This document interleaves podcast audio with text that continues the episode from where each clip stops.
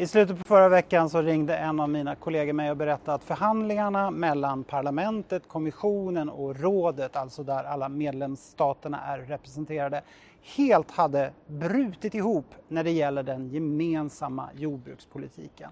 Och ni som följer med i de här frågorna kanske kommer ihåg att vi i oktober förra året hade en stor omröstning i parlamentet om vår gemensamma syn på jordbrukspolitiken. Och vi gröna var inte alls nöjda med det resultatet.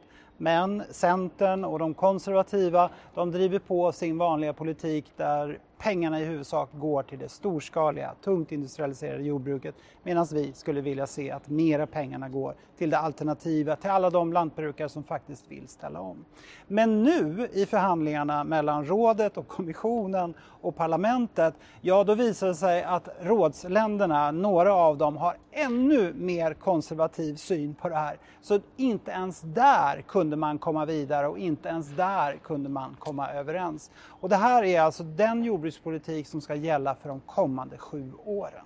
Av hela EUs gemensamma budget så går så mycket som ungefär en tredjedel till jordbruket. Det handlar om mycket pengar. Det är storleksordningen 4 000 miljarder kronor under en sjuårsperiod. Men hela det här jordbruksstödet är i grunden helt felkonstruerat. För det allra mesta av pengarna det går till det storskaliga, tungt industrialiserade jordbruket.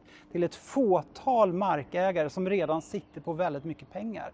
Och Givetvis så borde det här stödet gå till alla de bönder, alla de planetskötare som finns i EU som faktiskt vill ställa om. De vill satsa på den biologiska mångfalden, de vill satsa på ekologiskt, de vill ställa om till ett fossilfritt lantbruk. De vill verkligen göra allt för planeten och för den långsiktiga hållbarheten. Vi vet ju dessutom att jordbruk och matproduktion leder till utsläpp av växthusgaser som bidrar till den globala uppvärmningen. Det är utsläpp av koldioxid, metan och, och lustgas. Och då borde det väl vara självklart att EUs gemensamma jordbrukspolitik är i linje med övrig klimatpolitik och de ambitioner som vi har i andra områden. Men så är det inte. Det här måste göras om och göras bättre. Så när min kollega ringde så hade förhandlingarna pågått under nästan hela förra veckan. Men parlamentet och medlemsländerna kunde inte komma överens. Medlemsländerna ville inte se större satsningar på klimat och miljö och de ville heller inte dra ner på satsningarna till det här riktigt storskaliga industrialiserade jordbruket. Och det är inte så konstigt om man tänker efter eftersom det finns höga, tunga ledare i Ungern och Tjeckien som själva tjänar enorma pengar på det här. Nu kommer förhandlingarna att tas upp igen om ett par veckor nu senare i juni. Vi får verkligen hoppas då att det går att ta några steg framåt i alla fall åt rätt håll.